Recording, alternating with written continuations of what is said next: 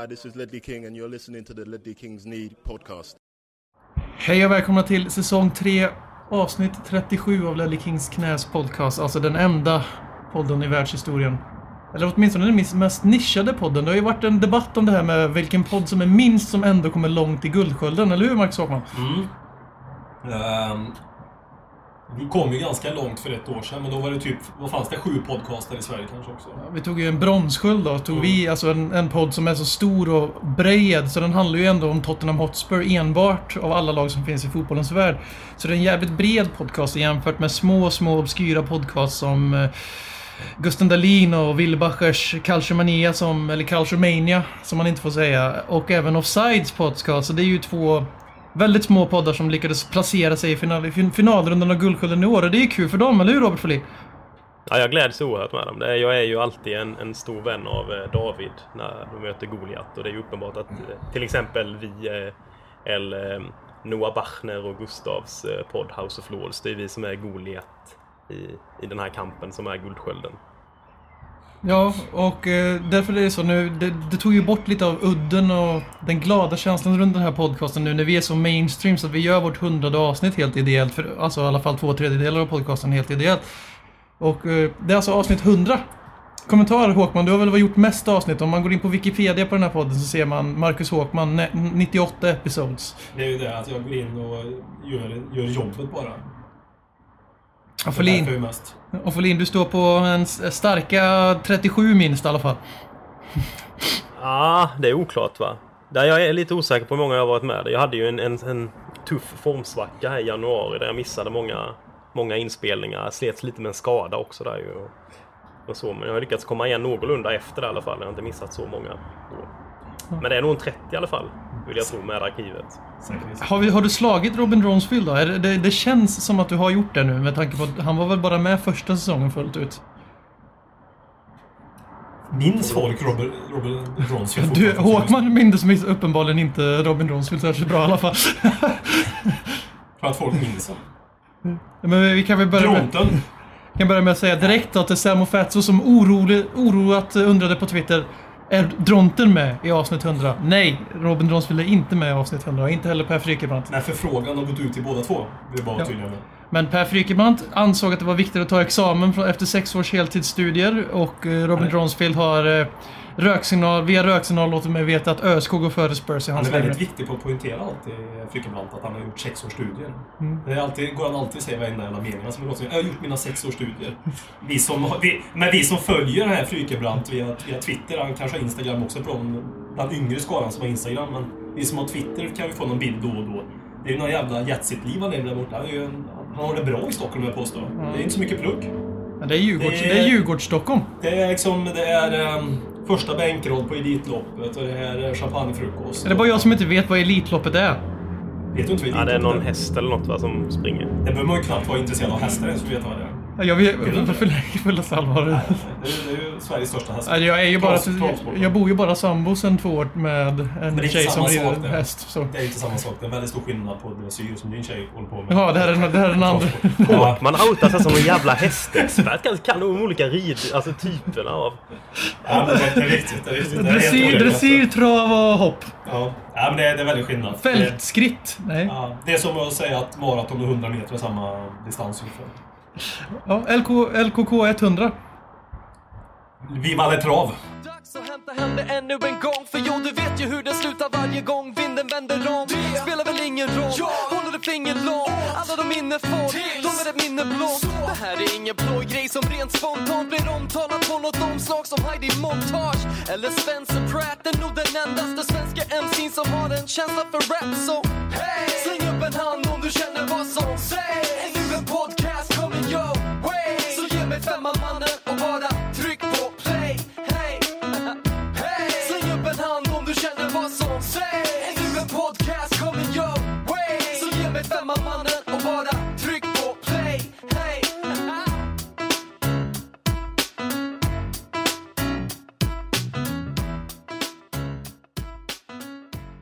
Ja. Eh, som sagt, som alla vet så har ju en säsong kommit och gått. Ytterligare en säsong gått jävligt fort med åren nu.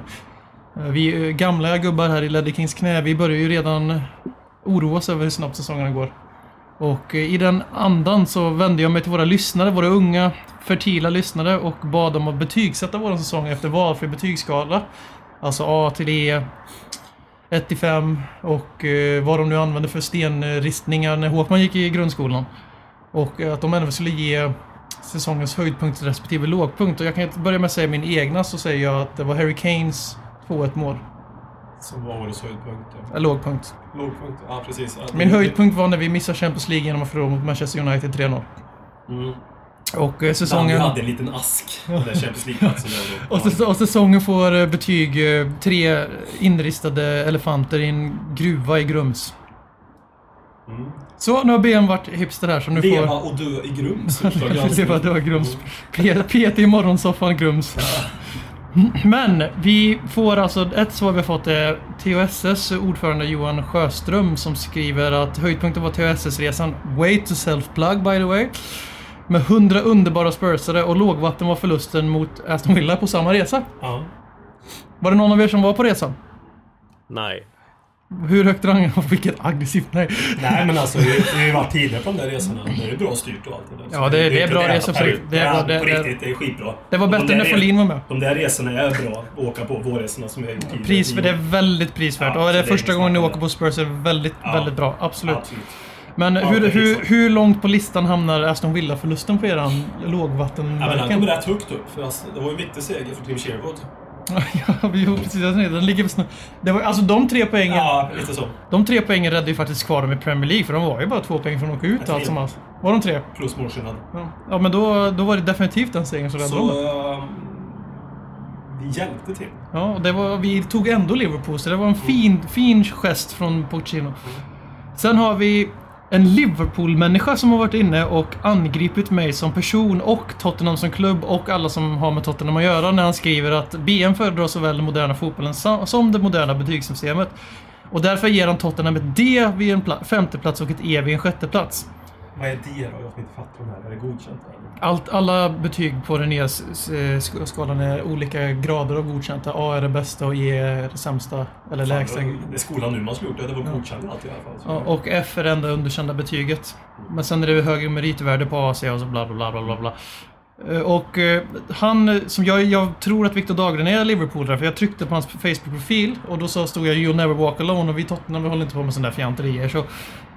Alltså, han- Vi går jävligt gärna ensamma. Och så, Ja. sen, sen, sen är det ju Liverpool, Celtic. Vad har vi mer för med de där? AIK får den, får den Ja, stämpeln. men det är nu. många som håller på med just den inmarschlåten också. Det jag menar. Ja, men de, två, det är de två enda jag vet faktiskt. Ja, det är fler. Dort, Dortmund jobbar faktiskt med den ibland också. Ja, det är en annan det, det som räddar dem är ju att det står 80 000 tyskar och sjunger med på sån där bräcklig alltså, tysk-engelska. Så det blir, det blir, det ursäktar ju dem lite faktiskt. Jag vill bara säga just bara snabbt. Förlåt, förlåt, förlåt. förlåt. Mm, ja, det är Men med, med, med Klopps avsked just med tyskarna. Hur de är liksom... ehm, De är enkla men ändå tydliga på något sätt. Hyllningen till Klopp. Danke. Stod det bara. Mm. Danke Jürgen stod det. Det stod det Danke Mm. Klopp. Mm, Danke Jürgen. Det behövs inget mer. Nej, det är precis. Det behövs inte. Det var klass. Klass som vanligt. Ja. Eh, Men han, Victor ger alltså oss ett D i betyg trots att vi kom före hans Liverpool så vi undrar hur många F Brendan Rodgers och 100 miljoner pund satsningen fick. Och eh, sen så säger han att det hade kunnat bli ett B om vi hade vunnit kuppen och det såg länge ut att bli så men fiaskoveckan i mars där blev en dolkstöt för Pochettino-legenden. Och eh, det får man ändå lov att säga att det är en sansad eh, recension även om jag tycker Ja. det är någorlunda lågt. Nej, jag fattar Ja, inte. Jag fattar det är, inte. det är godkänt i alla fall. Han ger oss godkänt med att det, det fanns ändå potential för att det kunde bli mycket högre utan att det hade hänt så mycket mer än... Men Alltså, om man, om, man, om man då ger Tottenham en tvåa, som jag säger nu istället, eh, så måste man ju också då ha ganska höga förväntningar på Tottenham innan säsongen. Ja. Då måste man ju nästan tro att Tottenham egentligen skulle kunna komma topp fyra för att det ska bli godkänt. Och då är ju topp fyra... Men det- då, är ju då, då måste ju den här personen i fråga ha haft satt Tottenham på topp fyra-plats när han tillkom. Och så Champions League-titel för Liverpool med tanke på hur mycket de har satsat. Ja, nej men alltså man tycker inte det är svagt för Tottenham. Då borde han ju satt. Det är ju imponerande att han tror så mycket om Tottenham då, den här säsongen. Det tackar. Ja, vi har ändå kommit före Liverpool 5 och 6 senaste säsongerna så jag förstår det här mindervärdskomplexet. Det, alltså, det känns bara rimligt för mig.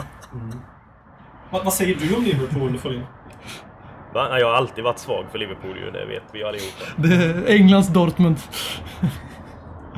Eh, Alltid positiva Andres Catracho säger att eh, blir vi femma så får vi godkänt och vi blir femma, därmed är det godkänt. Allting annat är icke godkänt, säger Andres. Tydligt det också. Mycket Som, tydligt. eh, med Klockrent. Jürgen där. Det är tydligt. Jag undrar om han är lite tysk kanske? Rakt på sak. Eh, Och när det kommer till höjdpunkter så har de flesta sagt 2-1-segern mot eh, Arsenal eller 5-3-segern mot eh, Chelsea. Och det är ju självklara val liksom. Så vi eh, grottade inte ner oss så mycket i den utan vi tar istället Jonas Nordströms höjdpunkt som är Harry Kanes match mot Astras Tripolis. Han gör hattrick och avslutar matchen i mål och gör en målvaktstavla på en frispark. Ja, jo, det.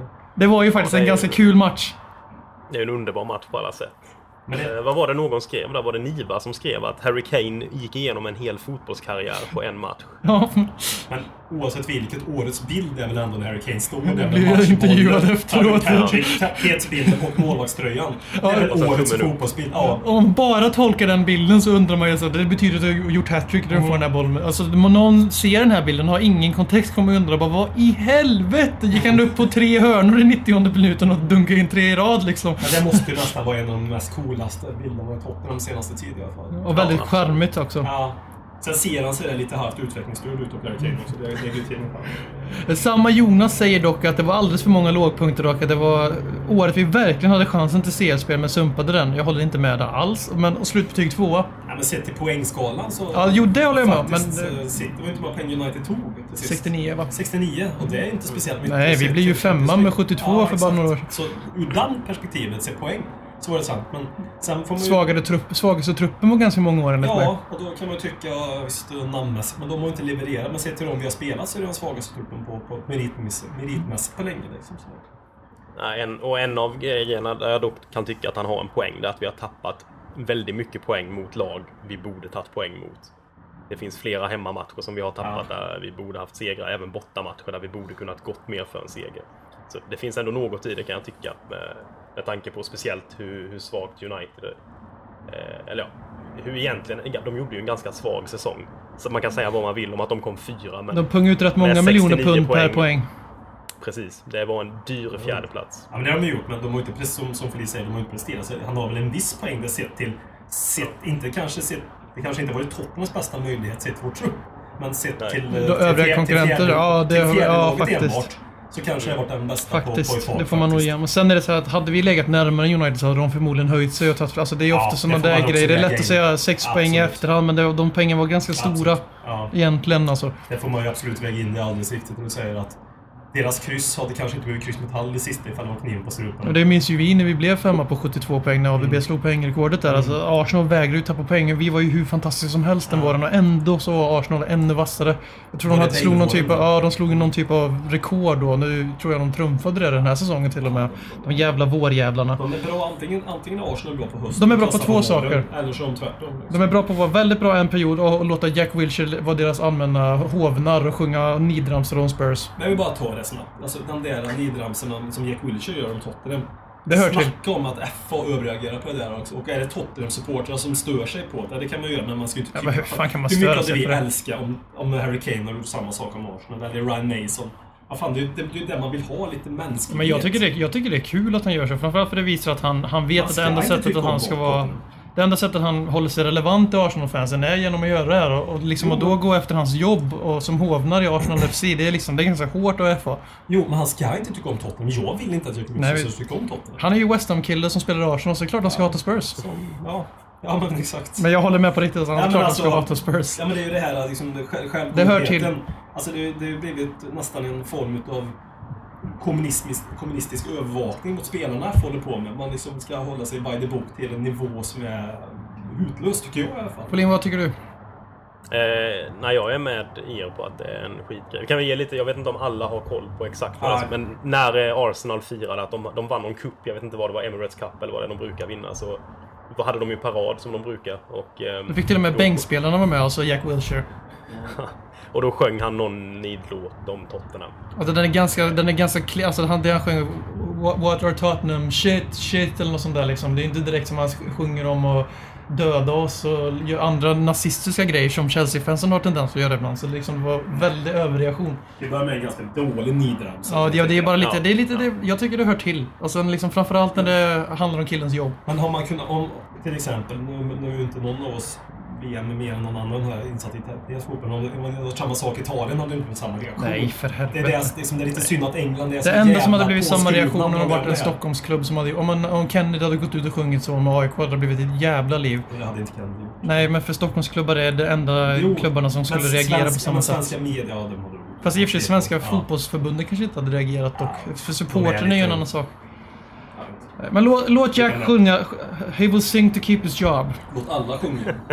Eh, sen är det Magnus Lindskog bland annat som säger att uh, sett över hela säsongen så är Harry Kane det bästa med hela säsongen. Så höjdpunkten är rent och hållet honom.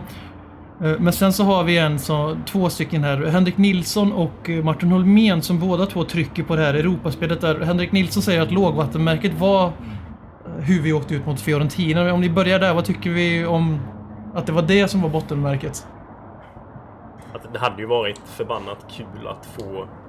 Man, man, att få gå riktigt långt i Europa League. Och det, det känns som att det var görbart också. Nu, nu, man kan ju ursäkta det med att vi spelade ligacupfinal bara några dagar efter den returmötet i, i Florens. Men eh, det känns lite som att hade vi haft en, en trupp som var mer eh, i synk med Pochettino så hade vi kunnat roterat runt lite och ändå lyckats med det. Eh, jag vet inte om det var det absoluta bottenmärket. Men det var, Det var den en veckan var ju Ja, det var, en, bottenmärket. det var en jävligt tråkig match.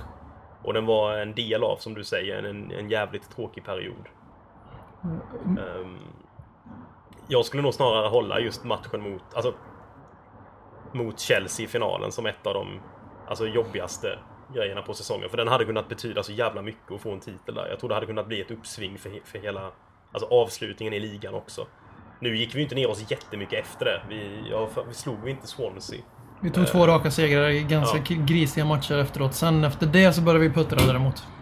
Men det var ändå för man kände så mycket, alltså verkligen för, för många av våra spelare också. Eh, Alltså Mason, Dyer, Kane, eh, Loris, alla de som var med och spelade egentligen. Man hade verkligen unnat dem den titeln. Givet, givetvis att man unnar sitt eget lag en titel liksom, men ja, det var på många plan, det var en jävligt jobbig match mot Chelsea.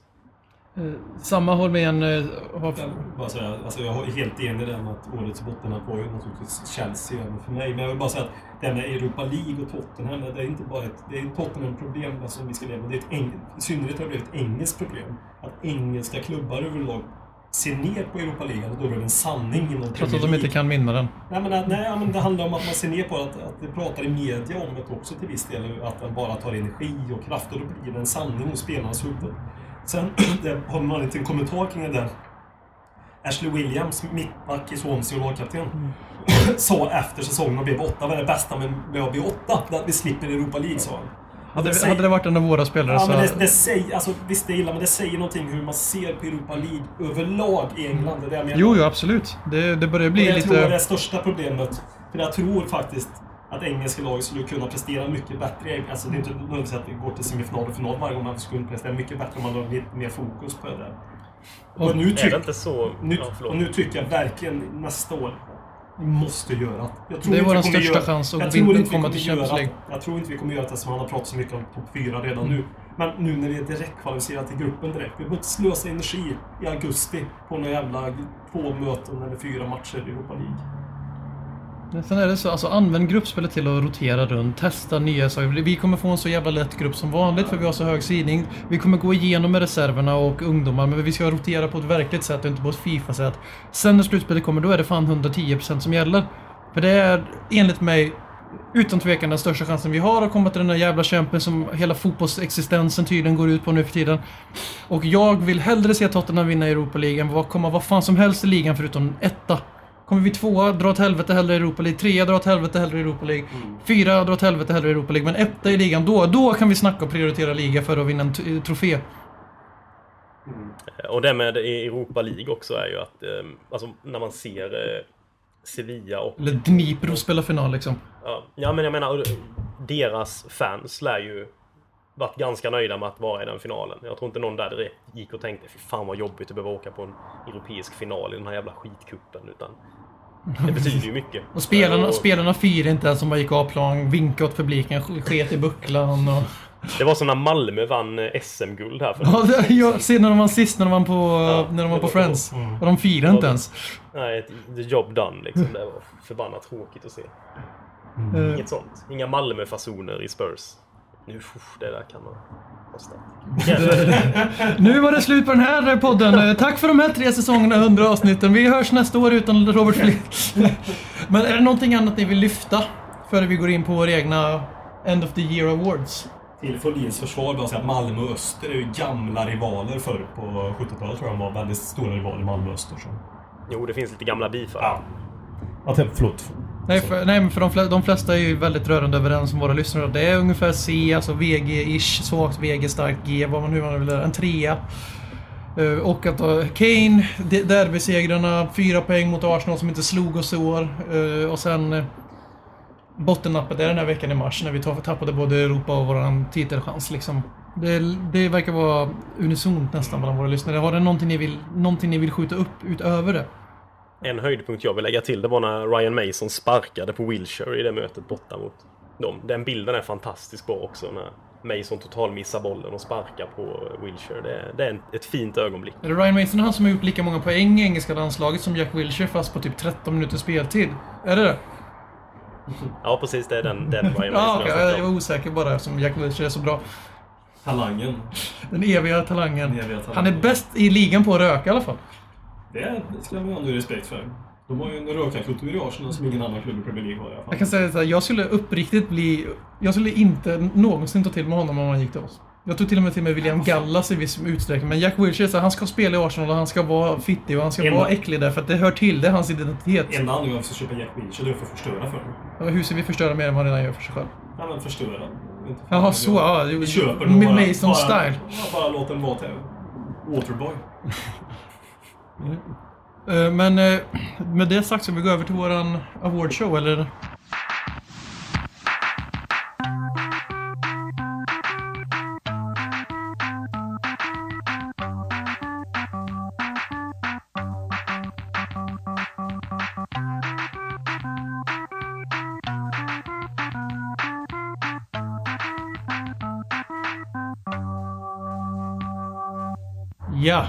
Vi är tillbaks vid hela podcastvärldens stora högtid när Ledley Kings knä går ut och väljer ut sina awards i sin eviga riggdunkspoddande som vi är ökända för i podcastvärlden. Och eh, vi börjar med de två hederligaste troféerna med Årets spelare och Årets mål. Och då Årets spelare så, för, så tänker jag vrida till lite om och säga man får inte säga Harry Kane först. Man får sen säga Harry Kane, men man får väl lyfta någon annan spelare först om man vill att Harry Kane ska vinna. Så Folin, du får äran. Vem tycker du förtjänar Årets spelare 2014-15 i Tottenham Hotspur? Och varför? Eh, då eh, ger jag det till någon som har eh, kanske inte riktigt vunnit lika mycket poäng åt oss som Harry Kane, men som också flera gånger har varit avgörande för att vi ens har tagit poäng. Så jag ger det till Hugo Lloris i sådana fall. Skjuter in ett i Enkapo precis före han sa Lloris. Fan. Hugo Lloris. Varför Hugo Lloris? Alltså som jag sa, för att han har varit väldigt avgörande. Men han släpper ju in 57 miljo- miljoner mål. Hade det stått Inte någon, han dålig hade då? stått någon annan än Hugo Lloris där så hade vi kanske släppt in 157 miljoner mål. Vi släppte in mindre mål per match när Worm stod, så jag vet inte. Jag tycker inte ens han är vår bästa målvakt. Jag går bara på statistik. Jag är nordamerikan. Lloris är bara klubbens näst bästa målvakt. Eller hur Håkman? Brad Friedel är alltid nummer ett. Brad Friedel är alltid nummer ett. Är det någon du vill skjuta in? Eh, Bentaleb, om jag inte får säga Harry Kane. Bentaleb, varför? Eh, för att han eh, vid sin ringa ålder, den som ändå har den eh, jämnaste nivån i Tottenham. Och vara jämn och spela i Tottenham är unikt. Men då problem... Då, Om man bortser från Vlad Chirike som är jämnt Ja, han- han är också som jämt jämn. urusel ja. Men det är också en jämnhet som vi är mer van vid, så att säga. Men, men, så på det sättet är ju Bentaleb ganska unikt. Liksom. Helt, helt genuin fråga nu. Hur högt passerar ni Vlad Kirike som de sämsta spelarna i Tottenham på 2000-talet? Alltså om ni bara Ja. får höfta. Jag säger fan topp top 10 säger Ja, det, det är han ju definitivt. Men samtidigt så är det ju... Han är ju konstigt med Vlad. I början när vi köpte Var osa klass så, ibland. Så, så, så hatade jag honom och tyckte det var värdelöst. Sen har jag, fortsatte jag tycka han är värdelös, men nu börjar jag nästan älska honom efter ett tag. Jo men det blir ju, han är som Benny nu fast utan att någonsin vara bra nästan. Men han är ju lite så man, man, jag tycker- man vurmar ju för honom. Ja, men jag kan ju tycka andra spelare som jag tycker är då, som Kyle Walker alltid tyckt om. Kyle Walker har alltid älskat. Mm. Blood älskar jag ju. Jag vet inte varför. Det, Håkman är kärleksfull och säger kärlek till Vlad i avsnitt 100. Det här är, det här är vackert. Det här är Jag vacker tror det har att göra alltså. med den öststatsfyllan han bjöd på också någon gång i Ja. vintras. Man, man tog till sig honom där. Men det är så, alltså, han har ju ändå någonstans, någonting finns ju i honom. När det gäller fotbolls... Ja, han har ju Eh, varit riktigt teknik. bra då och Men, då. eh, Alltså, det får man ju säga. Alltså, det, han har ju haft bra matcher. Han gjorde det jättebra på högerbacken inledningsvis för att vara mittback. Mm. Till och med bättre än Kyle Walker stora delar. Men sen vet du fan vad som hände. Nej, Ja, men Townsend var ju bra i QPR också. Så det var liksom det, vad betyder det egentligen? ska vi inte Uh, svinga mot vill- vänsterytter här? problematisera, problematisera lite Bentaleb också. För vi har ju varit... Vi blir ju överkörda ofta mittfältet fallerar. Men du väljer alltså att det är inte Bentaleb utan det är förmodligen Pochettinos taktik som gör så att han ser ganska överkörd ut ibland. Mason är inte tillräckligt smart. Ja, nu la jag orden i munnen på det som jag har en tendens att göra. Eh, nej men jag, jag... Bentaleb är ju... Loris borde jag också ha tagit bort för han är också så självklar men... Det är ju de här tre killarna, det går liksom knappt att komma ifrån. Liksom, det är ju inte seriöst att ta någon annan. Det skulle vara Danny Rose, men då är det för man har så mycket lägre förväntningar på honom än de tre. Har man så, väljer man sådana t-shirts som Danny Rose gör så kan man inte välja honom. Eller om man väljer hans frisyr så kan man inte ta honom Nej, inte heller. alldeles riktigt. Det är alldeles, ja, det har du mer rätt i. Men om jag får lyfta någon annan så då, då gör jag och en liten fuling och väljer Nasser Chadli fram till dess att hans far, gick, hans far gick bort. Då tycker jag att han förtjänar att nämnas i diskussionen. Efteråt så... ja, nej, tyvärr. Långt ifrån. Men fram till dess så var han åtminstone med på shortlisten. Men det är självklart att för mig så vinner Harry Kane före Loris och sen Bentaleb i den ordningen. Alltså, det är intressant här då när vi pratar om... eh, Är det för att nedminnet är som det är eller att vi har en annan kravnivå på spelaren tack vare att han har varit så bra tidigare? Christian Eriksen. Ingen nämner ens Christian Eriksen. Eh, Riktigt Christian- svag på våren. Absolut, det är det jag menar. Alltså närminnet. Ja, men det- jo, jo, precis. Hösten var han ju briljant, vintern var han ju briljant. Eh, Alltså, han kanske inte alltid var så briljant i matcherna även då, men han gjorde ju ändå det avgörande hela tiden. Han är ju Men Rafa sen, nu. sen har han ju varit väldigt, väldigt dålig nu. Men han är ju våran Väldigt Rafa. dålig. Ja, ingen är Rafa säger jag. Nej, nej, nej. Inte så men...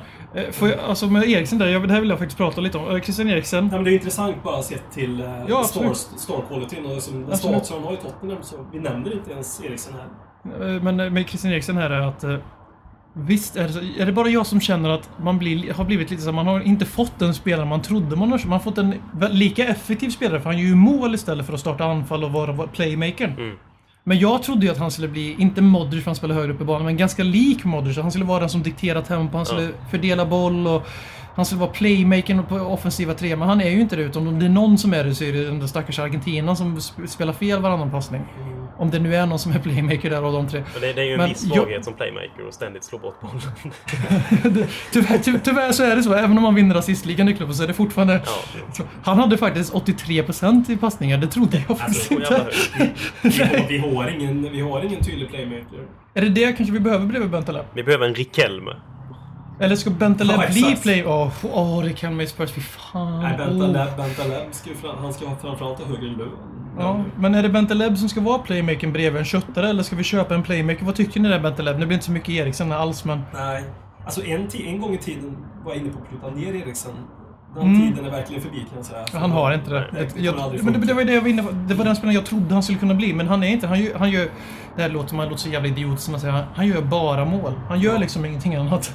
Ja, men det finns ju stunder när han kan diktera villkoren. Det märks han har det i sig på offensiv plan. Men han låter bollen gå på ett... Jag tror delvis... Nu ska man, om, jag ska vara lite hans försvarare för en, en sekund här. Han gick ner under våren tempomässigt, men det gjorde ganska många i Ja, ja, ja.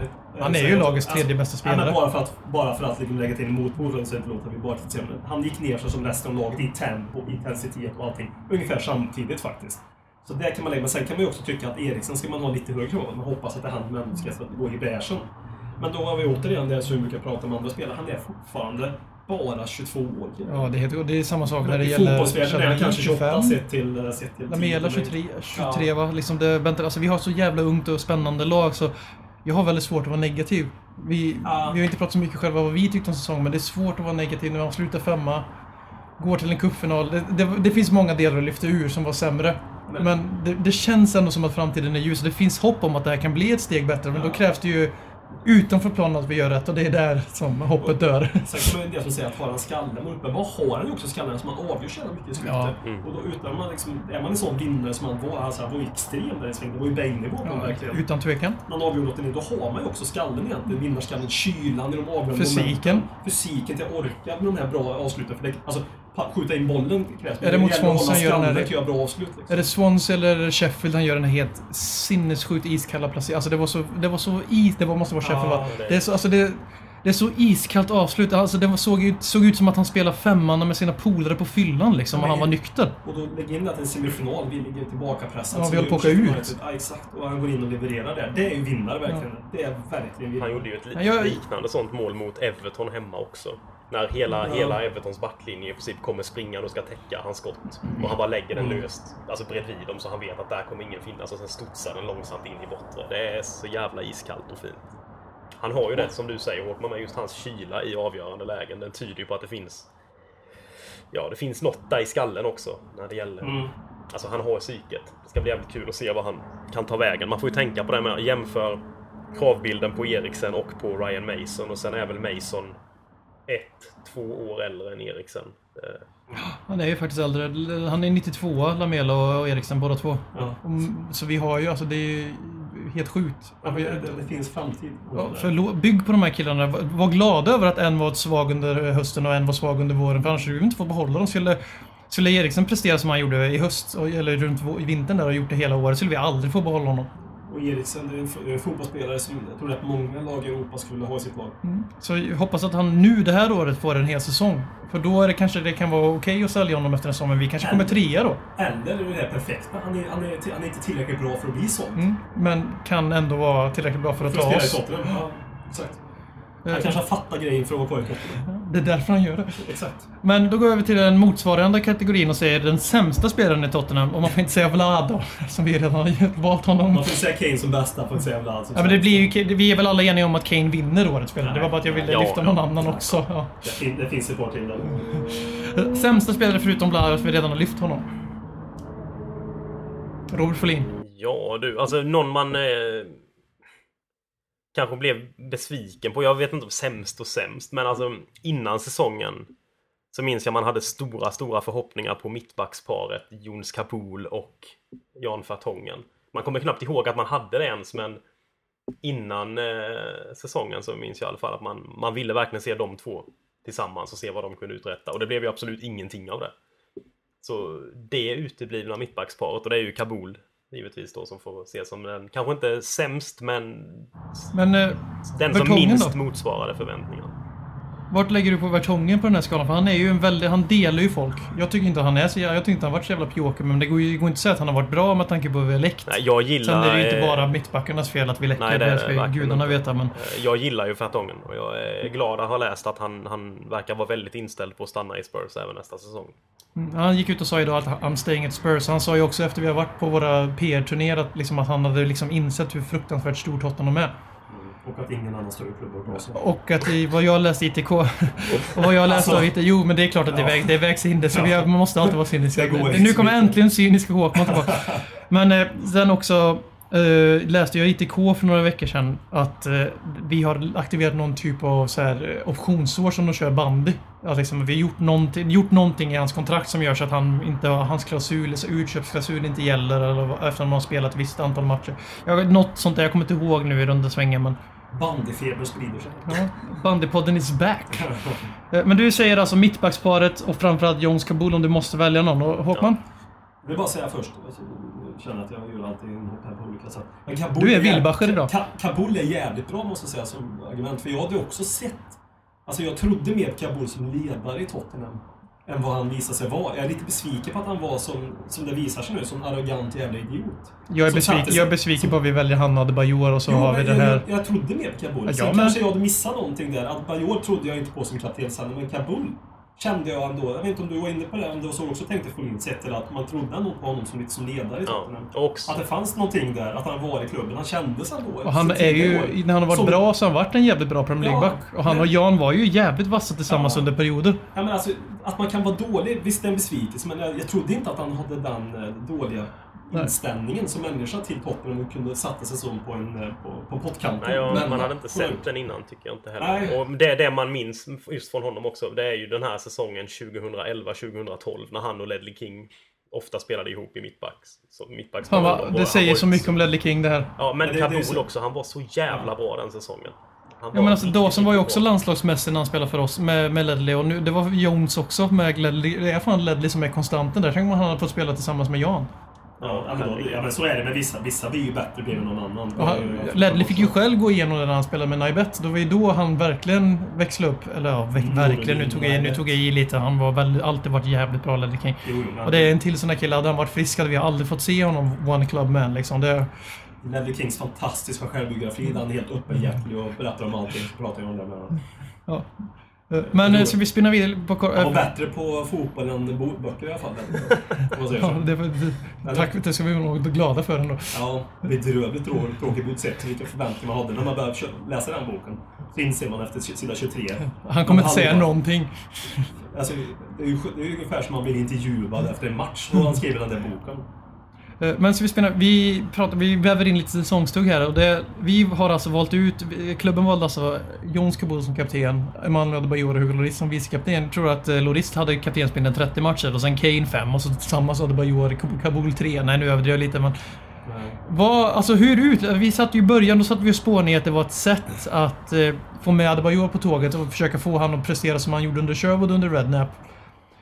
Och Kabul var ju, det var ingen som ifrågasatte han. Han kanske inte var startöverspelare jämt, men det var liksom så självklart att han var ledaren. Men han var ju uppenbarligen inte det. Men vad, vad säger det ändå om att det är våra två kaptener och båda två är, säljs ju ut till högstbjudande? Det säger väl Men att... vart, ska, eh, vart ska yxan falla? Är det Poch som ska få den? Ja, alltså han tog väl de som han trodde var ledarna. Han var ju tvungen att välja tidigt och det måste ju vara jävligt svårt att veta exakt vilka som är ledarna i din trupp när du... Alltså, vilka tror ni någon gav av honom råd? varit med på försäsongen ens. Några måste ju gett honom råd om vilka som var ledarna. Så han kommer ju, som du säger innan, kommer in helt ny. Det är inte så jävla lätt att skaffa sig en uppfattning. Som det är som om jag som vikarie ska komma in och direkt eh, identifiera alla elever som är högpresterande respektive lågpresterande. Det gör man ju inte på en kvart direkt. Så, Fotbollsvärlden är ju inte hemlig heller. Jag menar, som ledare kan ju till och med... där gjorde det ju massor med Alltså- nu i sig. Just Men, det, eh, det kan ju ha varit en väckningsbindel han fick där. Jag skyller allt på. Baldin i alla fall. Men v- om vi, har vi några tips? Är det Livi som har varit inne? Är det, är det fotbollsmänniskorna? Vem är det som har gett råden till Porch? Ja. Du säger Baldini. Ja, det är hans fel. Hans fel. Det var Ja, högst vi, oklart vi, vi, men- vi enas där. Vi enas där. Det var Baldinis fel. Allting dåligt med Tottenham är Baldinis Har fel. någon som varit anställd så länge i Tottenham och har en sån betydande roll syns så jävla lite och Han har inte jobbat om. för, han har inte jobbat för oss den sommaren. Nej men alltså det... Vad gör han? Vänta på att vi ska sparka honom officiellt. Ja, det är väldigt... Ja, men då går vi över till eh, nästa kategori som är Årets mål. Vi kan väl köra lite snabbare på den. Eh, Erik Lamelas Rabona är min Ja, alltså... Ja. snyggaste målet. Skönaste målet Folin får du säga. Ja, jag tror ju faktiskt, jag har tagit ut lite så alternativ till den, för den är ju så uppenbar att liksom, det tekniska numret är ju helt... Såg att han var nästan gjorde samma? Han gjorde nästan likadan mot Sydney FC. Det är inget speciellt men alltså, han gjorde det nästan igen. Det visar att han har ju fan det vapnet. Och det var nästan en chip han gjorde då med va? Ja. Det var... Hade, Alltså det var ju inte så långt Nej. ifrån. Det var ju ett seriöst skott. hade, Sen det, vad var det du sa? Du sa skönaste målet? Ja, alltså liksom mest förlöst. Alltså liksom det målet du kommer ihåg. För Rabonan är ju så självklart, för det var så jävla snyggt och helt fantastiskt tekniskt nummer som bara osar klass. Men någon, det var inte direkt som man bara Åh, ja! Vilken jävla... Åh, han räddar oss, vilken frälsare! Liksom, det är inte så du reagerar när du gör ett sånt mål mot Asteris Tripolis. 4-0. Nej. Ja, Jag, jag, jag ska det, försöka att inte hugga på den kroken du kastar ut för jag tror jag vet vilket mål du vill jag ska välja och jag tror att någon annan av er Nej, kommer du, välja det den kan jag lova att, att du inte vet vilket det är jag kommer säga. Nej, och jag hittade ett mål som jag tyckte var också jävligt alltså skönt på något sätt. Det var ett fint mål. Och det, det var hemma mot Everton när vi mötte dem och eh, när Roberto Soldado gör 2-1. Det är Kane som glidtacklar och bryter. Bollen går till Lennon som springer fram, petar den till Soldado. Soldado gör mål, springer ut mot hörnflaggan, hela laget kommer efter. Och det fina här, eh, som jag älskar med den reprisen med, eller när de springer ut mot hörnflaggan för att fira, det är att man ser Eriksen kommande och skriker Yeah Bobby! Sådär. Det, det, det är så mycket liksom gemenskap och fin... Eh, man får en väldigt fin känsla när man ser det målet och att det är just stackars Bobby med som får göra ett mål där. Jag tycker det målet är väldigt fint och När han inte lär Andros Townsend att simma eller lär Erik Lamela att trivas i London så då gör han mål mot Everton eller missar. Vilken fin människa det är. Lagpappa. Ja.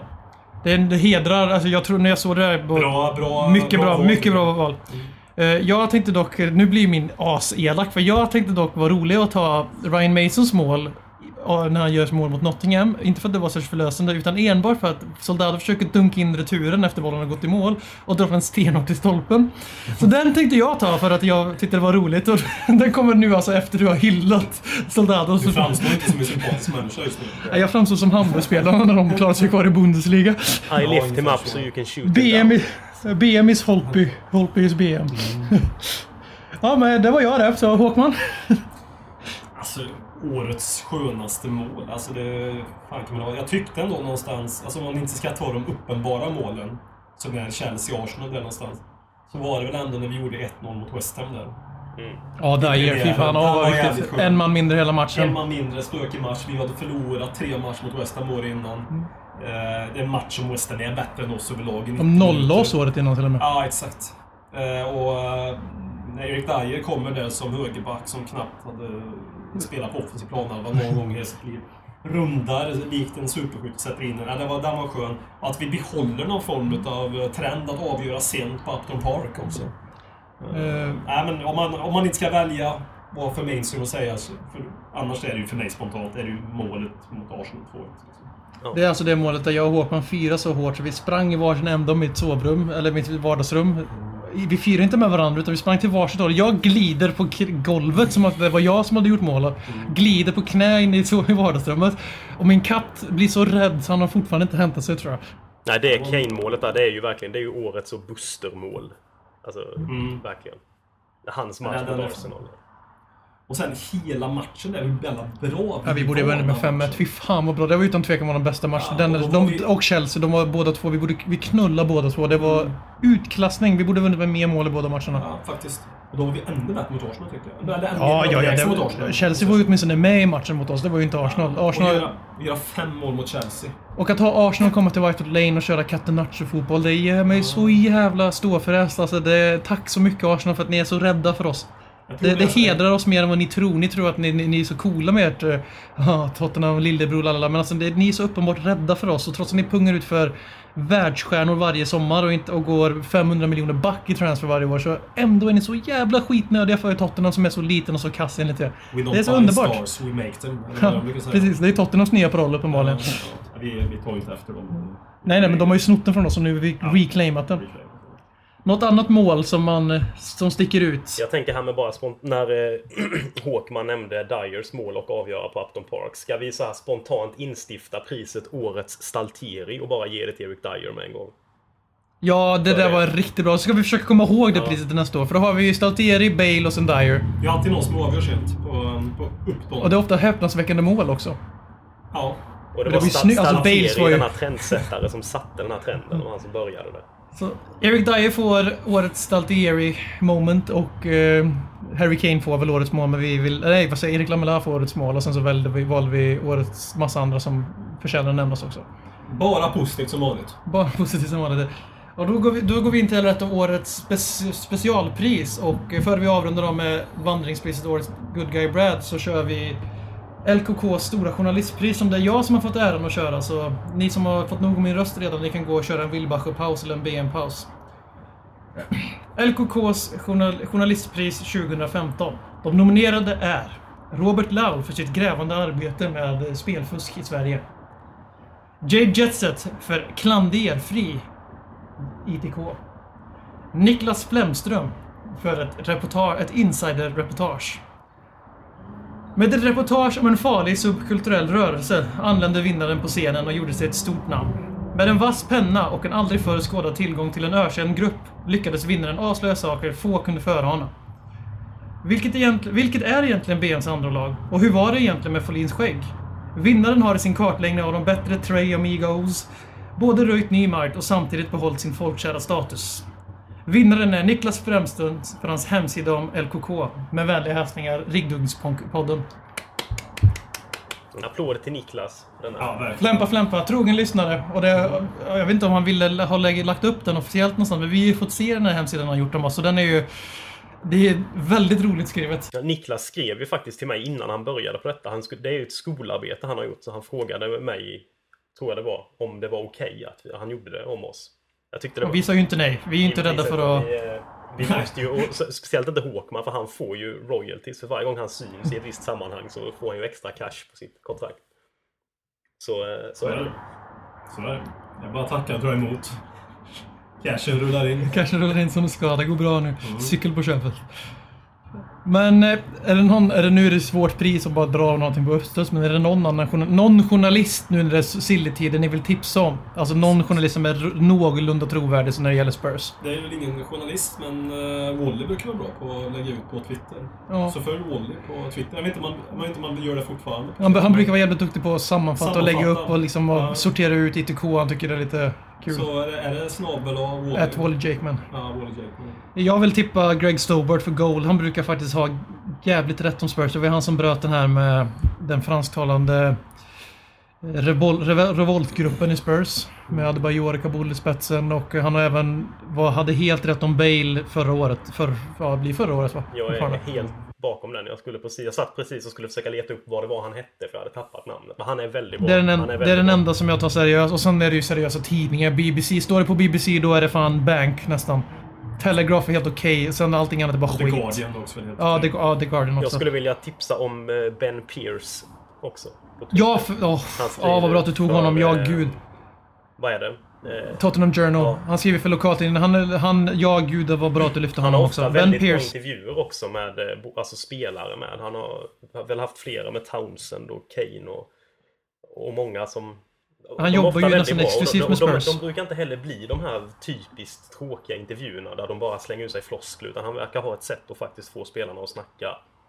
Alltså de verkar vara ganska avslappnade när de snackar med honom. Så han rekommenderar jag starkt att läsa. Så Greg Stobart, eh, Ben Pierce, Niklas Flemström, Wally Jakeman. Det har vi då. Så, då går vi över till dig, Folin. Scenen är din. Ja, jag har ju fått den stora äran att eh, ta hand om The Good Guy Award. Eller vad är det vi kallar, kallar det? för Good Guy Award? Eller The Good Guy Brad Good Guy Brad Award. Så är det givetvis. Det är ett hyllningspris till Brad Fiedler som är väldigt väl lämpat den här sommaren. Absolut. Eh, och jag tänkte jag ska börja... Jag drar de nominerade. Eh, och sen så får vi se vem av dem det blir. Som man brukar göra nästan. Åh fan! Eh, bryter ny faktiskt, ehm, jag visste ju inte om vilka du hade nominerat till ehm, Journalistpriset. Vi, vi är inte så bra på... Men här kommer första nominerade är Niklas Flemström. Igen. Eh, inom parentes också som årets opinionsbildare för den här webbsidan han startade. Eh, den andra nominerade är Roberto Soldado. Den tredje nominerade fick jag reda på att det är ett tvång på att han är med. Det står inskrivet i stadgarna som eh, Per Frykebrant satte upp. Och det är ingen mindre än Robert Folin. Ska vi dra backstoryn till varför du är med? För de som inte... Vi har ju faktiskt fått lite nya lyssnare den här säsongen som när Dronten har lämnat podden. Ja, ska ni Samma ta det? fett so it's back. Eh, Det som hände var att när vi var på poddresa slash det 2013, det var Bale-våren. Eh, Så var vi på Liverpool Street var det va? På Eh, relativt stor... Nej, Liverpool Street var det fan Nej, inte det var va? inte. Det var den... Ja, Ja, det var en relativt, ja, det var en relativt stor station i London. Pauline i- går in och styr upp en ung, en ung far och hans son tror jag det var, som var väldigt vilsna. Folin går dit, styr upp, hjälper till med pengar, hjälper till med instruktioner och allt. Vi i podden, med flera, vi vänder ryggen till att traska därifrån och upptäcker att de är fortfarande kvar. Och börjar direkt på fläcken hylla Folin för hans samarit, samaritiska gärning. Vi åkte ju inte utan dem, utan det var vi... det gjorde ju Samtidigt. Jag åkte ju Fan Folin! Samtidigt som vi hyllar Folin trycker ju på, på hissen våning ett och åker ner. Sprättlätt. Fan, jag försökte ju måla ut jag, jag kände jag behövde bygga upp mig själv lite efter min Soldado-peak sist. Ja, eftersom nu blir det eftersom att du sköt ner soldad och så tog jag första chansen för att skjuta ner dig också. Ja, vi åkte därifrån. Vi upptäckte, upptäckte inte ens att han var orkar ju inte vänta på det, men det hjälpte dem. Jag hade viktiga Vi ska saker. dricka bärs! Som vissa i den här skaran som jag förr tog på allvar. Ja, de var bakfulla på matchen. Jag kommer aldrig glömma. Sitter med, sitter med dr- Dronten på... Han, han är så jävla bakfull så det är liksom nästan tragiskt. Och sen efter matchen, vi ska sitta och käka mat, så Cliff Jones hålla lådan där, gamla Tottenham. Som somnar på stolarna. Kommer hem och vill inte följa med ut för de är så bakis. Liksom de stannar hemma med migrän-BM. Ja, så vad ska vi gå då från Good Guy Dronsfeld till, eh, Ja, förlåt. och, eh, Bad Guy Dronsfield.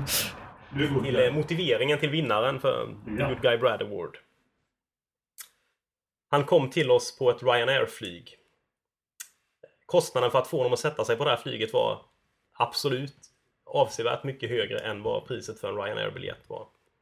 Det började ganska lovande, förhoppningarna var höga. Men eh, det gick ganska fort ut för.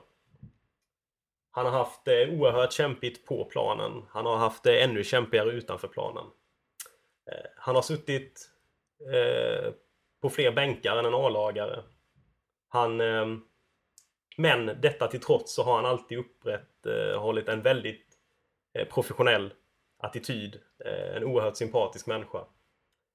Han använder uttryck som The Spurs Family. Han ehm, önskar Aaron Lennon lycka till i Everton. Han lär Ryan Mace, han lär Andrews Townsend att dyka i poolen. Och han retweetar organisationer som Unicef. Eh, årets Good Guy Brad Award går till Roberto Soldado. Vår, eh, vår, eh, vårt lags pappa. Som det verkar bli kvar. Pochettino sa ju ganska fina saker om honom, att fotboll är inte bara det som sker på plan, basically. Att det finns mer än mål i honom. Och det känns Och, ju speciellt bra nu att få ha en sån som Roberto kring laget när Brad lämnar. Alltså den, för det är ju det, tänk om både farfar och pappa hade lämnat samtidigt.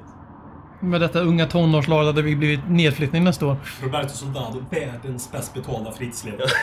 Ja, där har Eh, Men vi, jag I spoke too soon förut och sa att det här skulle vara sista priset vi skulle dela ut. Men vi hade ju faktiskt ett till pris förberett och så ska även Håkman få dra sitt egna vandringspris. Som jag inte ens vet vad det är. Årets ytterback sa Så du. jag bara kör på uppstuds. Men du bara kör årets ytterback. Vem är årets ytterback? Det kan ju bara finnas en som årets ytterback i årets Tottenham. Vi har ju en tradition att ha väldigt svaga ytterbackar. Vi har en Kyle Walker som jag tycker spelar på en jämn nivå.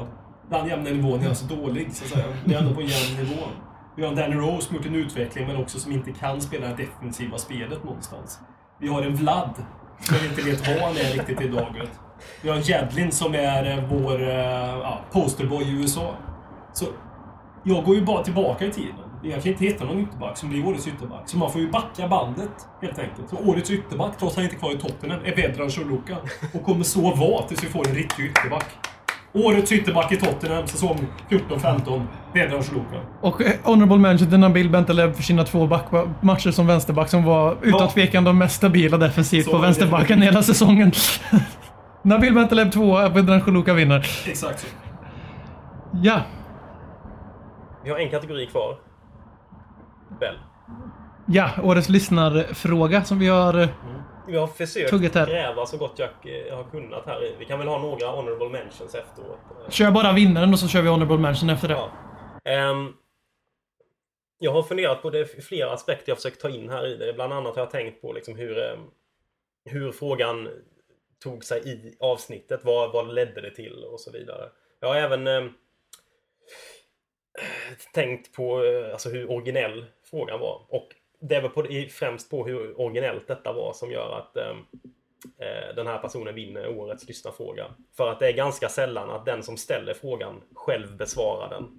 Eh, Så, eh, året, så vinnare av årets lyssnarfråga är Jocke Wallin som vinner med frågan Vem i podden skulle vara bäst som tränare i Spurs? Plus hans eget svar där han sågade hela podden.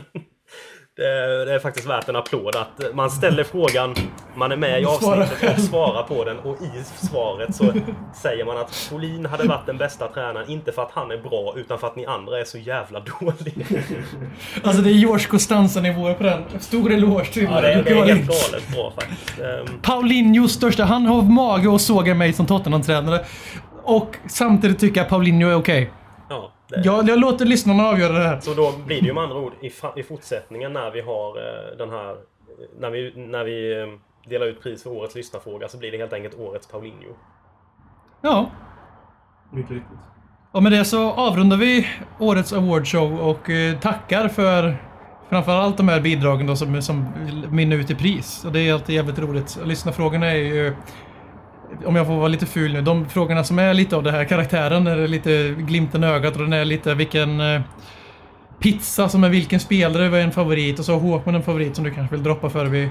Som jag knappt kommer ihåg vad det var för fråga. ens. Larsa, Larsa 16, Ja, Lars Corneliusson. Lars Corneliusson som eh, pratade om att... Jag för mig det var ungefär på detta sätt att vi i Tottenham gnäller när vi blir femma, sexa, när vi knappt har blivit bättre än femma, sexa tidigare. Det, Den kanske var, han får ju korrigera här om man lyssnar, Lars Corneliusson, om man vet vilken fråga jag menar. Men han är väl två månader gammal, en månad gammal. Riktigt bra diskussion på den också. Ja, Väldigt bra. bra, Bra. djup fråga, dualitet. Vi vill bara tacka för alla, alla lyssnarfrågor givetvis. Och det är jävligt roligt. Och det, utan lyssnarfrågorna så skulle podden vara väldigt mycket tråkigare att göra. För det är ganska svårt att spotta ut ett avsnitt varje vecka när, med sin egen hybris. Utan lyssnarfrågor, utan respons oavsett bra negativ, alltid bra roligare. Men utan man får feedback så blir det också ganska torftigt att prata i mick om ingen som har lyssnat. Och med det så går vi över till nästa del av podden.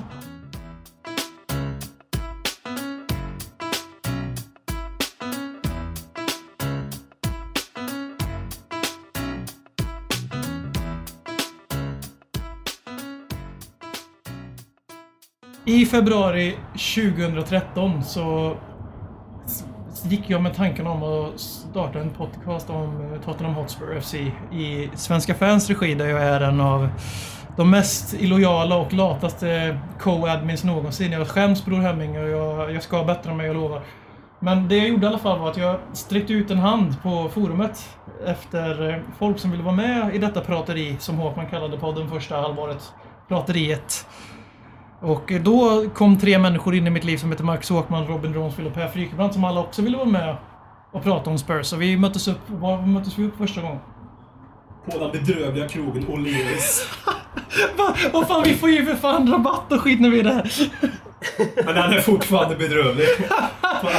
Jag brukar ju fan höra av mig och boka så får vi så här stort sällskapsrabatt. Får du det? Ja. Hade, Det hade ni jag inte fått rabatt hade ni inte gått dit. Nu är det pitcher som gäller i framtiden. Whoop whoop, represent! Det var ju... Där möttes vi upp när vi bad om eh, mycket och fick lite. Där möttes vi ändå upp. Och Då såg vi Tottenham knulla sönder Noah Bachners värdelösa pisslag. Nej, jag bara skojar. Det, det är elakt att vara elak mot hans lag. Jag lider med honom Ja, på riktigt. Och han är Svenska fans bästa skribent och hans podd är fantastisk.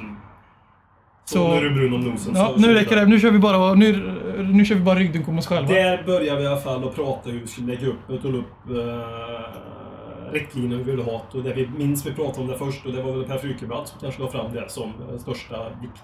Ha en bra mix, mix och ha bra ljud. Då fick vi tömma våra kommunalfickor och betala 5 miljoner för våran mick. Ja, han var du Och faktiskt. ändå, enda, Men han håller fortfarande. enbart för att få hat varenda jävla gång våran supermick plockar upp andra ljud än våra väna stämmor. Nej men det var väl så Det kan var. omöjligt ha något med att göra att ni sitter ute på en in, inglas eller in, i en burk och spelar in nu här också. Vi sitter på en eh, balkong. eh, Se nu kastar något framför bussen igen! Här har, vi, här har vi ju suttit tidigare och spelat in... eh, Och, och Per igen. fixar det jättebra! Mm. Per fixar det jättebra Robert.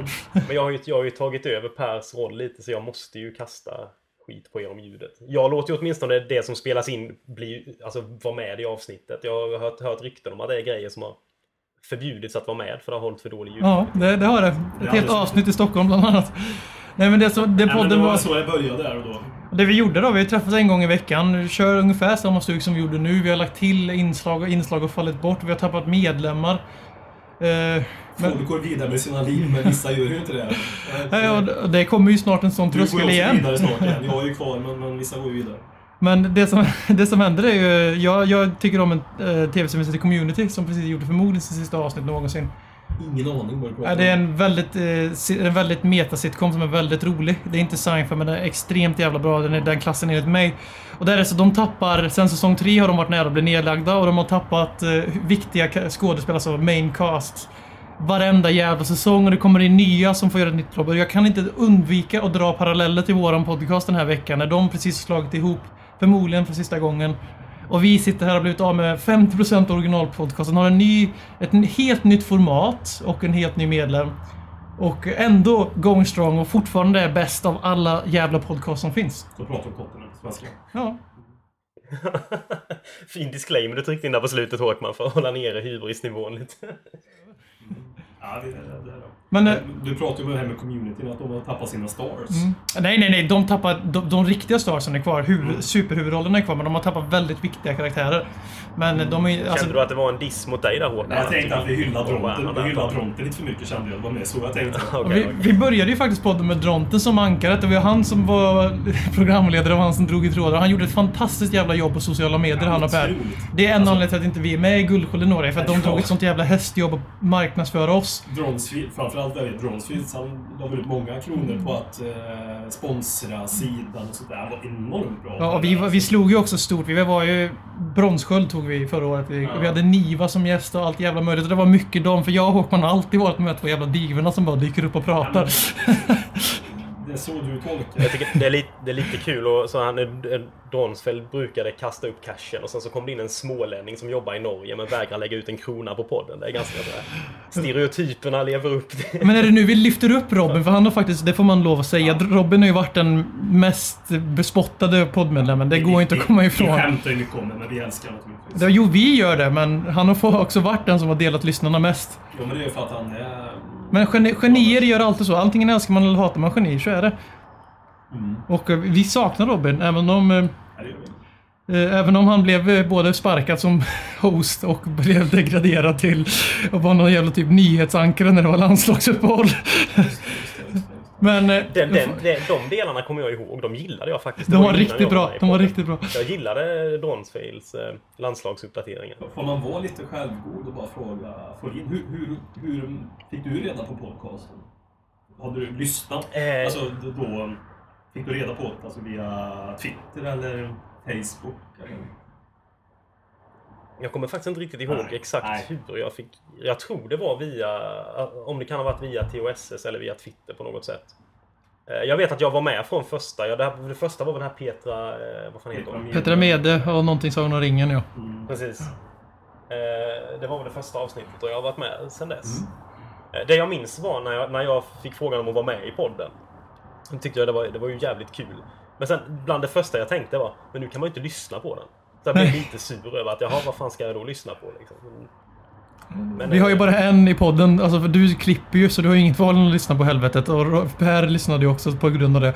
Men Håkman krigar ju igenom podden men att jag är så sjukt ivrig så jag lyssnar inte ens på podden förutom när ni tvingar mig att göra det för att jag måste lyssna på vissa ljudgrejer. Jag lyssnar faktiskt på den just för att få en känsla hur tycker det, hur det funkar och så. så. Men vad, vad har vi varit med Ja, om? men det är ju bra att ha någon som kan lyssna igenom det helt, alltså från början till slut utan att Mm. behöva sitta och klippa i det. får man ju lite bättre överblick över hur det är. Men det kanske vi kan ta efter avsnittet.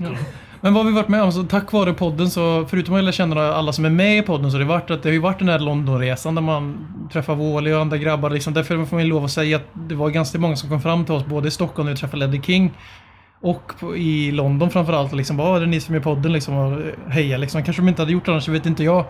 Men det är sådana grejer man lärt känna väldigt jävligt. Man har fått ett community som har på, på, på sociala medier med Spurs. Som jag liksom innan det så kände man att man kanske var en av få Spurs i det här landet. Det är man ju inte.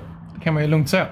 Men det är absolut det roligaste det är liksom när man har slutat med podcasten och det har gått några år att man har en Spurs-dokumentation för ett par säsonger. Det kan ju ändå vara roligt att ha. eh, Om det kan finnas kvar i tio år för folk kanske. Och För mig träffa Erik Niva var jävligt stort. Det var kul som fan. Ja, det är kul. Mm, Alla andra gäster som har varit med, samma sak. Uh, var med på Spurs TV, var rätt så kul. Jag och Dronsfield. Ja. Det var också Ja, ganska det var kul. det. Mm. Alla så här, och sen men... eh, Det som utan tvekan är roligast är ju det, är ju det här. Att gå in och läsa när folk skriver om podden eller när de liksom startar stora kampanjer för att vi ska, vara- för att vi ska ta bronssköld eller och allt vad fan det är. Liksom, det, är ganska, det är mäktigt på ett sätt. Och så hade vi även ett fotbollslag efter podden. Eller Ledley King har både fått en podd och ett fotbollslag i Karlstad döpt efter sig. Som vann sin korpserie överlägset vill jag på, på, påpeka bara. Shoutout till Erik Nilsson som är en av få spursare i laget. Och Magnus Östlund också spursare. Lira i laget, ledde oss till seger. De är lyssnare och hejar på Spurs och var med i laget. Vi var typ fyra Spurs-spelare med i, i hela laget som hette Ledley King. Och var Hela säsongen. Du var Ledley King. Du var Ledley King. Du gjorde inte en minut. Inte en minut gjorde jag. Och BM gick sönder i första matchen och har fortfarande problem efter det. Men han krigar ändå tillräckligt många matcher från medalj. Men jag har inte fått någon medalj eller pokal och det var jag som var ledare för laget. Så om Erik, om du lyssnar, du får gärna hooka upp Brother med antingen medaljen eller trofén. För det var faktiskt jag som startade det laget. jag känner mig utesluten. Men och sen har vi också haft de här, fram tills nu, hade vi ju träffar på O'Learys och Pictures där, vi, där jag har hookat upp och liksom fick lite billigare priser för vi var så många. Men nu är det ju slut med det då, tack vare avsnitt 100. Bedrövliga, bedrövliga O'Learys.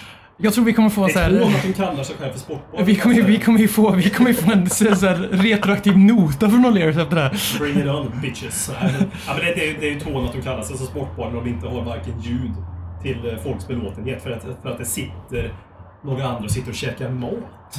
För att de vill inte beströda sin mat. När det går en fotbollsmatch. Kallas för sportbar, då ska man väl prioritera det i sådana fall. Så får väl den här eh, gulliga lilla familjen som är på eh, kringresan genom Karlstad på semester med sina fina små barn. Kan väl de gå någon annanstans Ja, jag håller med, jag. McDonalds, leklanden och De valde fel- de- de valde så fel ska man få klientel. dåligt- det är ju så jävla typiskt, alltså när man sitter, ska man få dåligt samvete för att man jublar när någon gör mål också? För då ser man arga blickar och så tar gaffeln och kör in ögat på dem liksom.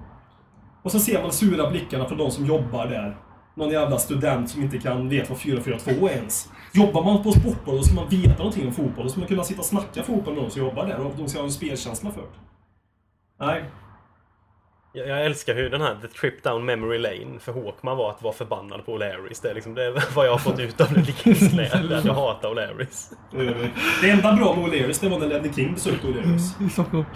Det är också på tal om ett bra minne, men det har inte så mycket med, med podd, det har ingenting med podden att göra, utan det har med THS att göra. Men att vi då fick möjligheten faktiskt att ha Ledley King med i podcasten jämt. Ledley King är Ja. i podcasten. På tal, jag gick in på vår Facebook-sida Ledley Kings knä. Vi pratade om det här med det nya formatet och hur glada vi är för att vi har överlevt och med ljudet. Och vet du vad vi får på vår Facebook-sida då nu under inspelning? Nej. Då skriver Tommy Olofsson När ska ni förbättra ljudet? Är det enda han vill ta upp när vi pratar om Memory Lane i, i frågan. Är Och då säger vi rent instinktivt att vi kommer aldrig göra det nu. Den är Vi tänker spela in den- i våra den- iPhones är och smartphones i fortsättningen. Den är Per kommer tillbaka. Vi säger, vi är Olof Lund, ljudet är inte det viktiga. Nu blir jag, jag blir, nu blir jag lite ledsen åt Folins vägnar där, för vi har ju alltså, ska vi förklara varför ljudet har gått ner sig lite?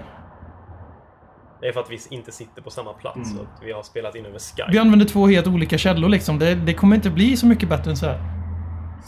Vi har ju gjort vissa försök under de senaste veckorna att, att alltså vi spelar in lokalt och sen synkar vi det i efterhand. Så, ja. Men det är det som är problemet. Det är lite lättare när alla sitter på samma plats och alla sitter i samma omgivning. Men men, så är det med det. Eh, Andra saker som eh, vi också gjort via podden är ju vi har haft två spin-off-serier. Vi har haft en Silly Season slash VM-podd förra året och så Arkivet. Väldigt hyllat inslag. Fantastiskt. De lyssnar jag faktiskt på, Arkivet och inspelningarna. De kommer ju ut med omsorg en gång i halvåret. ja, det var faktiskt, faktiskt. Men eh, jag har fått en fråga från Joakim Efternamn som, som ni två faktiskt får besvara på. De undrar, han undrar om det blir någon Ledder Kings knä Silly- Silly-podd i sommar. Eller kör ni i Arkivet möjligtvis? Vi, vi, vi ska ju köra arkivet, säger jag nu. Det, men det ska vi väl få in. Mm. Nu Ja, det är vi igenom. absolut Men vi, bra. har- vi har ju ett avsnitt. Vi, det datumet blir framflyttat lite grann. Men vi har ju en, ett ämne klart och så. Eh, Vi ska ju Mm. bara tajma oss och trycka på räck ihop. Ett fantastiskt ämne tycker jag. Men eh, de som... Ja, det är ett väldigt intressant ämne. De som väntar ganska se. kanske... Vad sa du? Ja. Nej, det är ett ganska speciellt ämne Ja. också.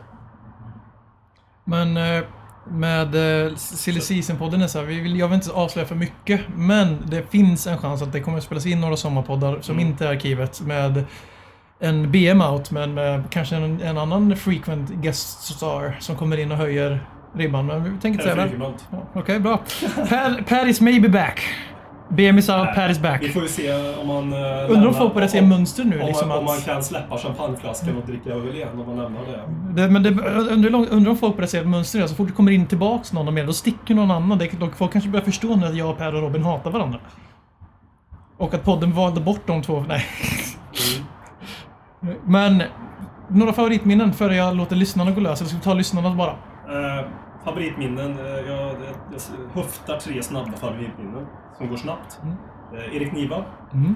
Eh, avsnittet vi spelade in i London. Det var bra. Det var bra. Och när jag och eh, Per Frykebrand spelade in sista i somras när vi spelade och summerade fotbolls-VM. Vi körde en fotbolls-VM-podd förra Mm. sommaren. Vi satt på hans altan och satt och drack och hade trevligt framåt 3-4 på natten. Det var en mycket fin, en fin stund och ett fint avsnitt. Per personligt. Flin? Ja, just det avsnittet där som du nämner. Det får jag faktiskt bara lyfta upp också. Det var innan jag hade kommit in i podden. Men då flög jag faktiskt hem ifrån Bergen här när jag satt och, och lyssnade på det. Jag skrattade som fan på planet. Det var ett väldigt bra avsnitt. Vilket då? Eh, Eh, det som du och Per spelade är- ja. eh, förra sommaren. Det var väldigt kul. Mm. Eh, sen så, jag är svag för den här bilden som finns på Facebook med eh, Hawkman-tröjan. Ja, Tomten jävlar, hur kunde vi missa den? Hur kunde vi missa Det det? är, det är ju bland det finaste som har hänt tror jag någonsin. Det? Den kan vi knyta till eh, Wally Jakemans fråga faktiskt om det här. Han undrar vad, vad för konkreta kändisfördelar vi har fått på grund av våran podd. Och då är där är ju definitivt den att Håkman har en egen kult i Sverige nu.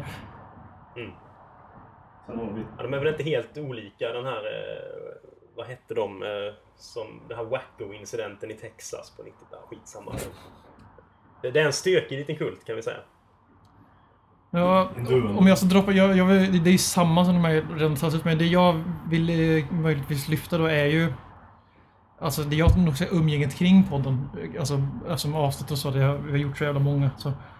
Men jag har tyckt om när vi har haft till exempel när Noah Bachner var med i den här säsongen och vi, utan att säga för mycket, så jobbar vi kanske på något liknande upplägg. ska bli ett stående inslag nästa säsong. Och prata med andra lagsupportrar lite, för vi jobbar alltid på sätt att för- förnya podden. Så förbättra. Då Och, eh, bojkottar vi vissa lag. Ja, Ja, det är klart. Men eh, så Noah har sådana liknande gäster, alltså det är jävligt intressant och eh, det höjer podden. Och sen är det alltid jävligt kul att ha en gäst. Framför, det är ännu bättre om de kan vara på plats med den. Men eh, det är alltid jävligt, alltså det, det ger en helt ny grej i podden då, tycker jag. Mm. Förutom när de sågar oss i podden när de är där som gäst. Och så, eh, Men det gör ju bara, det gör ju bara Spurs-gäster. Gäster från andra lag är sådär lite ödmjuka och vill, vill inte stöta sig. Det är ju när Wally är med som motorsågen kommer fram. Ja, verkligen. Men jag drar några Jag drar några lyssnargrejer från våran Twitter där och då är det så här att en klar favorit är eh, Per Frikebrands Deadline Day-fylla 2014. Där både Wally, Niklas Björn och så även andra namn på Facebook och andra har lyft den här. Och då är det så här att det som hände var att vi spelade in en Deadline Day igen och som vanligt så värvade vi ingenting. Bara för vi satt hela natten och gjorde den här skiten. Men det är ju trevligt. Ja, och Per hade väldigt trevligt. Till en viss klockslag. Då det inte var så trevligt. Och eh, det, han eh, spenderade en lång tid av kvällen på Håkmans toalett. Ja, Vi undrar ju efter en halvtimme, vart är Per? Eller vi hörde ju naturligtvis vad Per... Men det roliga var att det inte bara var vi som hörde vad Per gjorde, utan det hördes ju även ut i etern. Ljudet. Och vad det ljudet är, det kan väl folk lista ut själva. Som Det var sjukt tryck på de sändningarna. Det 14. var så här över tusen besökare och grejer. Ja. Det var helt jävla insane. Mm, och ja, folk var med och chattade. Det var, det var riktigt jävla trevligt var det. Så, men vi värvade ju absolut inget de två fönstren. Så jag tror vi skippade samma sak den här sommaren. Ja men sen vi... Sen, Ja, vi får väl se om vi kan göra någonting i höst. Ja.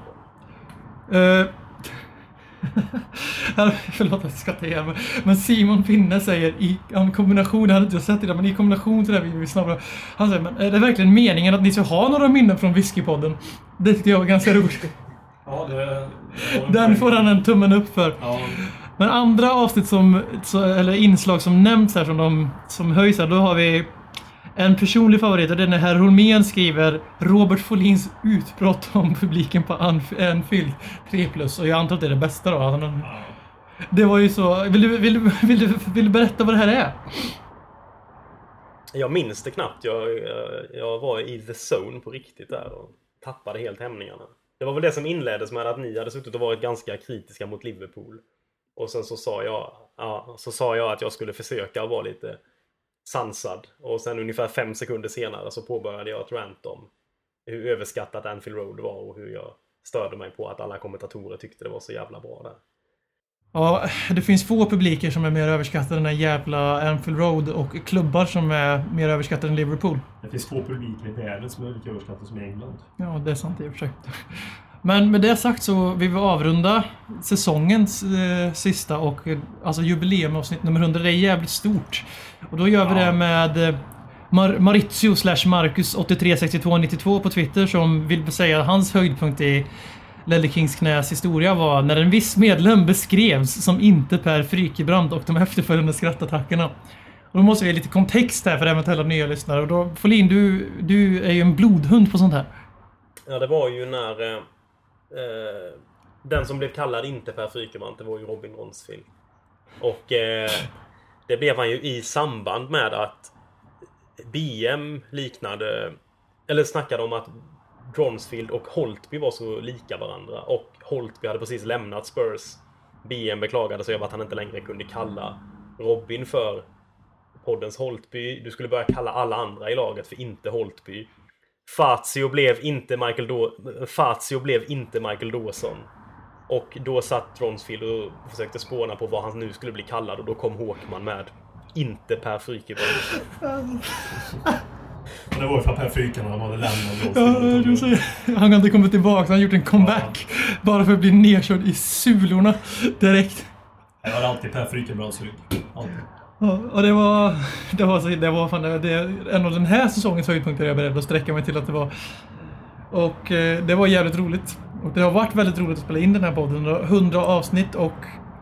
Jag tänkte göra en sån här dramaturgisk bullshit-grej och säga vi får se om vi hörs i höst och det kanske är sista gången vi hörs, lalala, men vi kan väl säga att förutsatt någonting oförutsett händer så kommer vi köra i höst och vi kommer förhoppningsvis vara kvar på Svenska fans som är våran utgivare. Och eh, sen får vi se vi, hur vi gör för att förnya podden men vi is probably back in höst. Alla tre förhoppningsvis. Absolut. Så, så ser det väl ut här och nu i alla fall. Ja, det är väl om Ryssland tar Norge eller Sverige som vi får se om det blir att alla kan vara med. Men annars så siktar vi väl på det. Mm. Så tackar för den här säsongen och för 100 avsnitt. Ja, tusen tack alla som lyssnar. Och alla ni som inte lyssnar också. Framförallt eh, alla ni som inte lyssnar. Dags att hämta hem det ännu en gång För jo, du vet ju hur det slutar varje gång vinden vänder om Det spelar väl ingen roll, någonting är mm. långt. Alla de minne får, de är ett minne blått Det här är ingen blå grej som rent spontant blir omtalad på något omslag som Heidi Montage. Eller Spencer Pratt är nog den endaste svenska MC'n som har en känsla för rap. Så hey! släng upp en hand om du känner vad som sägs. Är nu en podcast coming your way. Så ge mig fem av mannen och bara tryck på play. Hey! hey! Släng upp en hand om du känner vad som sägs. femme